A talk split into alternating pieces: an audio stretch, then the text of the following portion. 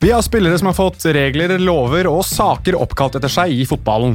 Men slik det står seg, er det faktisk kun én spiller som har en egen rolle på banen som bærer hans navn. Og det er ikke Beckham, Ronaldo eller Neymar. Det er Claude Makelele. Men hva er egentlig Makelele-rollen, og hvor har begrepet sitt opphav? Det skal vi forklare nå.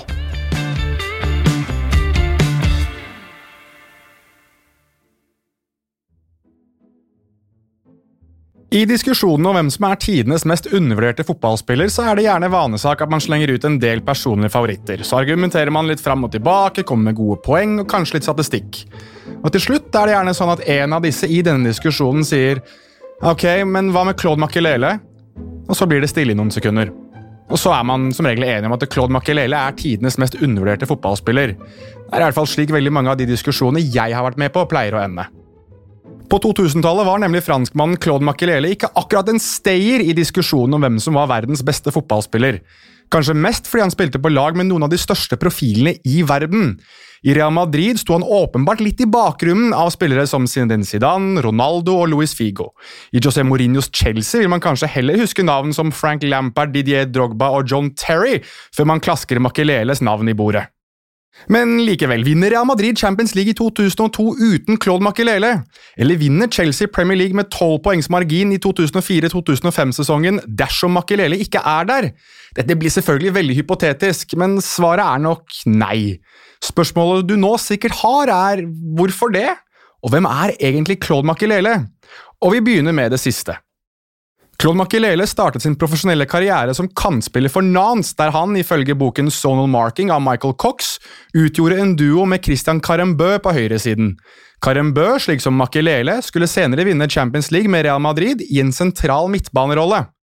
Etter et opphold i Marseille dro Makelele videre til Celta Vigo i Spania, og det er der han møter spilleren som på mange måter blir Mr. Miyagi til hans Daniel San. Det er for øvrig en Karate Kid-referanse for dere som ikke tok den. Vi skal uansett inn på spilleren Massinho. I Celta Vigo hadde nemlig ønsket å forsøke Makelele som sentral midtbanespiller, altså inn fra kantrollen og spille sentral på banen. Massinho, som var mannen som skulle spille i tospann med ham, hadde vunnet VM i Brasil i 1994, der han hadde spilt ved siden av kaptein og legende Dunga. For øvrig, Dunga var en vi snakket om litt i den episoden om brasilianske fotballnavn, for det som lurer litt på hvordan man vel får navnet Dunga.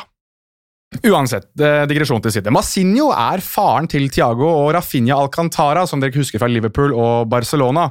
Og så kan vi kanskje si at Hans tredje sønn ble Claude Makelele. Han tok han nemlig under sin vinge og forsøkte å skape han litt i sitt eget bilde. Og det er ganske tydelig, fordi På spørsmålet om hvem Makelele hadde lært mest av i fotballen, så var han selv ganske klar. Mest sannsynlig Massinho, sa han. Han lærte meg hvordan jeg skulle bevege meg, og ga meg stor taktisk forståelse rundt hvordan jeg skulle styre spillet, også med stor fart. Det er mange ulike måter å spille på, og du må like å jobbe for laget og ikke bare deg selv, fortalte Makelele til Marka. I Cox sin bok så siteres franskmannen på hvor detaljert Massinho gikk til verks i å ta Makelele sine fysiske ferdigheter, hans kjennskap til hvordan man skulle behandle ballen, og kombinere det med bunnsolid defensivt arbeid. Han åpnet meg opp for denne nye rollen på banen. Vi brukte timer på å jobbe og lære om de ulike stedene på banen jeg skulle være, og når jeg skulle spille ballen på førsteberøring eller ta to touch før jeg spilte videre. Og dette bar frukter. I 1999-2000-sesongen hadde Massinhos prosjekt virkelig blitt enestående. Makelele skåret nemlig i 7-0-seieren over Jupp Heinkes Benfica og i 4-0-seieren over Marcello Lippis Juventus i Uefa-cupen. Sommeren 2000 var det derfor bare rett og rimelig at Real Madrid banket på døra og ville kapre midtbanemannen. Etter en sommer der Celta Vigo gjorde det som sto i sin makt for å beholde Makelele, og hovedpersonen selv streiket for å forsøke å få til overgangen, så endte han til slutt opp i Real Madrid. Og det er for her denne forklaringen virkelig får bein å gå på. Fordi Makelele var nemlig alt annet enn det daværende, og vel, nåværende, Real Madrid-president Florentino Perez var på jakt etter. I år 2000 går nemlig startskuddet for det vi omtaler som Galactico-perioden i Real Madrid, der den spanske hovedstadsklubben hadde som mål å signere én superstjerne hver sommer. Dette er et begrep og en epoke vi definitivt skal tilbake til i Fotball forklart. Uansett, den spanske landslagsstjernen Raúl var flasket opp i klubben, og var Madrid og nasjonens leder. Inn døra i 2000 kom Luis Figo fra erkerival Barcelona, som senere ble tildelt Ballon d'Or. I 2001 sprenger Real Madrid verdensrekorden for en overgang da de signerer Zinedine Zidane fra Juventus. Og I 2002 er det brasilianske Ronaldo, som nettopp hadde vunnet VM i Brasil, som kom inn dørene. Som du nå hører, dette er noen navn som er kanskje hakket mer gjenkjennelige enn det Claude Makelele er. Men det er Claude Makelele som viser seg å være den som kanskje er viktigst av de alle. I boken Inverting the Pyramid av Jonathan Wilson peker Arigo Sacchi, kanskje best kjent for sin tid som AC Milan-trener, men som også var Real Madrids sportsdirektør fra 2004 til 2005, at det var noe fundamentalt feil med de kongelige fra Madrid. Det eksisterte ikke noe prosjekt, det handlet om å utnytte kvaliteten. Vi visste f.eks. at Raúl, Figo og Zidane ikke ønsket å løpe defensivt, så vi måtte sette en spiller foran forsvaret, slik at vi hadde noen som kunne forsvare, sa Sacchi. Og den spilleren var Claude Makelele. Enten Real Madrid spilte en 4-3-3 eller en 4-4-2 med en offensiv og en defensiv midtbanespiller, kjent som en diamant, så var det Makelele som fikk jobben med å ligge dypest i banen av midtbanespillerne. Da Real Madrid mistet ballen og motstanderlaget gikk i angrep, var det Makeleles jobb, eller rolle, å enten vinne ballen tilbake eller gjøre det umulig for motstanderen å avansere høyere opp i banen med ballen. Slik kunne Real Madrid få det beste ut av stjernegalleriet sitt offensivt, og samtidig ikke være overmannet når de samme stjernene så det for godt til å ville forsvare seg. Selv om Makelele og rollen han spilte anses som en veldig defensiv rolle, så har hovedpersonen selv en helt annen mening rundt hvordan man skal huske hans tid i Real Madrid. I Cox sin bok sier han følgende. Min rolle i Real Madrid gledet meg. Jeg var forberedt på å gjøre den defensive jobben. Jeg nøt å stoppe motstanderen fra å skåre like mye som jeg nøt å hjelpe lagkameratene mine med å finne en vei igjennom. Zidane, Raúl og Figo og Ronaldo var sensasjonelle fordi de kunne avansere opp i banen, viten om at jeg kom til å ligge foran forsvaret og dekke opp for dem, sa Makelele og fortsatte. Noen har sagt at jeg var en servitør for andre, og at jeg gjorde en jobb slik at de ekte stjernene kunne skinne. Men jeg så det ikke slik. Jeg ser på min rolle som essensiell for lagets balanse. Jeg så på meg selv som den virkelige sjefen på midtbanen, den som setter tempo og gir selvtillit til gruppa. Og de andre tenkte det samme. Og Makelele tok ikke feil. Fordi I 2003 forlot trener Vicente del Bosque sin jobb som Real Madrid-trener helt plutselig, mens Florentino Perez hadde latt seg blende av at David Beckham var på markedet.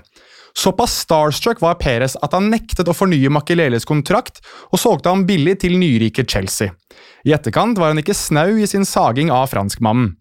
Han kan ikke heade ballen, han kan ikke slå en pasning noe særlig lenger enn tre meter. Vi har yngre spillere som vil komme, og vi kommer til å glemme Makelele, sa Perez i 2003, og hevde at Beckhams ankomst i Madrid hadde kompensert helt for Makeleles avskjed. Real Madrid måtte vente hele tolv år mellom Champions League-tittelen i 2002, der Makelele hadde spilt en viktig rolle, til deres neste tittel i turneringen. I mellomtiden uthevet flere av Real Madrids profiler med noen merkelige analogier der biler og motorer var tema, hvor viktig Claude Makelele hadde vært. Når folk ser på en Porsche, setter de pris på bilens utseende, men hva er det som egentlig er spesielt? Det er motoren. Og Claude er vår motor, sa venstrebekk Roberto Carlos bare måneder før Makelele ble solgt. Også Madrid-trener Carlos Queiroz, som tok over etter Vicente del Bosque, var tydelig hvordan han hadde ansett salget av Makelele. Som jeg sa den gang, selv en Ferrari uten et hjul ville hatt store problemer, sa Queiroz. Men kanskje det mest legendariske sitatet tilhørte Makeleles landsmann og gode venn Zinedine Zidane, som innledningsvis var kritisk til kjøpet av Beckham som erstatter for Makelele. Hvorfor skal man legge enda et lag med gullmaling på en Bentley når man allerede har solgt motoren, uttalte Zidane i det som nå er blitt et legendarisk sitat. Den som hadde forstått Makelele's rolle i et vinnende lag, var José Mourinho, som plasserte franskmannen foran sitt forsvar da han tok over Chelsea i 2004.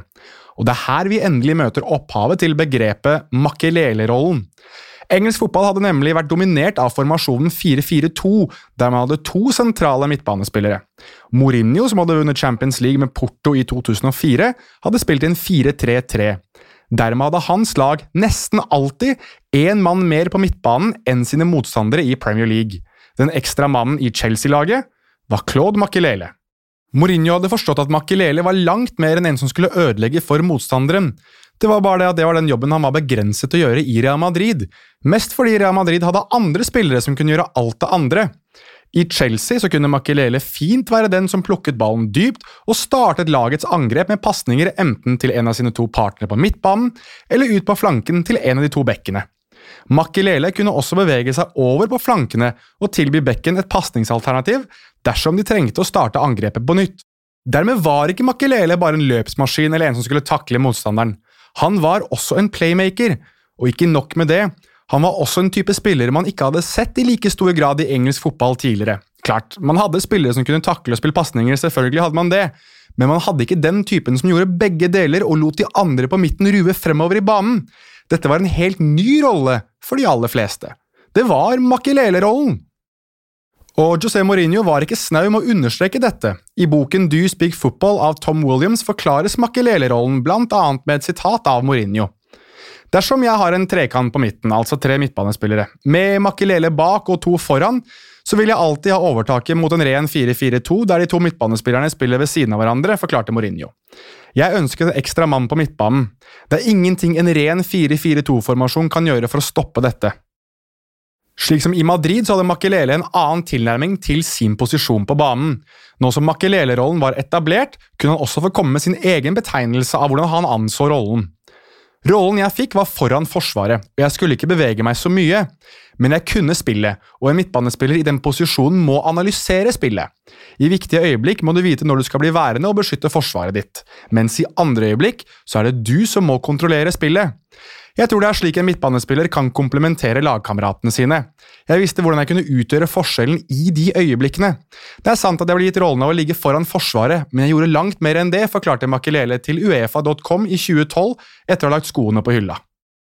Men ok, For å komme litt historisk kontekst, altså Rollen har blant annet blitt omtalt som ankeret av veldig mange, mens i Argentina er det kjent som El Cinco, eller femmeren, for å definere hvilket draktnummer denne spilleren gjerne hadde.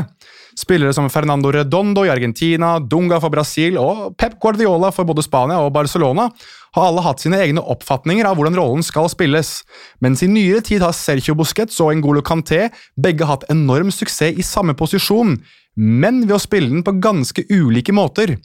Selv om Makelele på ingen måte var den første defensive midtbanespilleren i verden, og mange vil kanskje mene at han fulgte i fotsporene til f.eks. Didier de Champs i Frankrike, så var Makelele den som definerte viktigheten av det defensive grovarbeidet.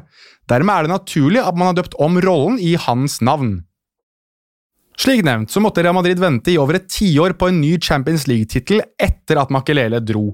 Med ham så vippet Chelsea Arsenal av toppen av engelsk fotball. I 2003-2004-sesongen hadde Arsenal vunnet Premier League uten å tape en eneste kamp. Sesongen etter, som nevnt, vant Chelsea ligaen med tolv poeng ned til Arsenal. Og er dette kun pga. Makelele? På ingen måte, men å undervurdere viktigheten av Makelele og Makelele-rollen har vist seg fatalt tidligere. Bare spør Florentino Perez. Avslutningsvis siterer vi John Carlin fra boken White Angels, som omhandler Real Madrids Galacticos-periode. Makelele var ingen Galactico. Han kjempet med bekken Michel Salgado om å være den mest rustikke spilleren i Real Madrids tropp.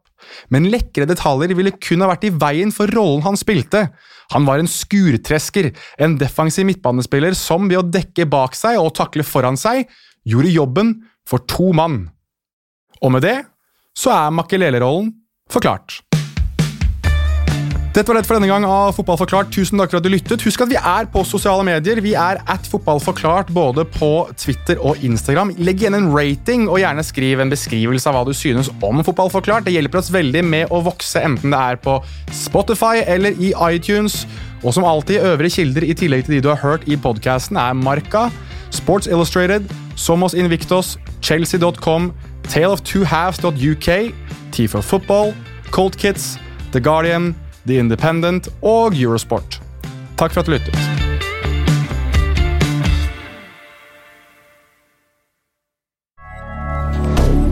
Moderne media.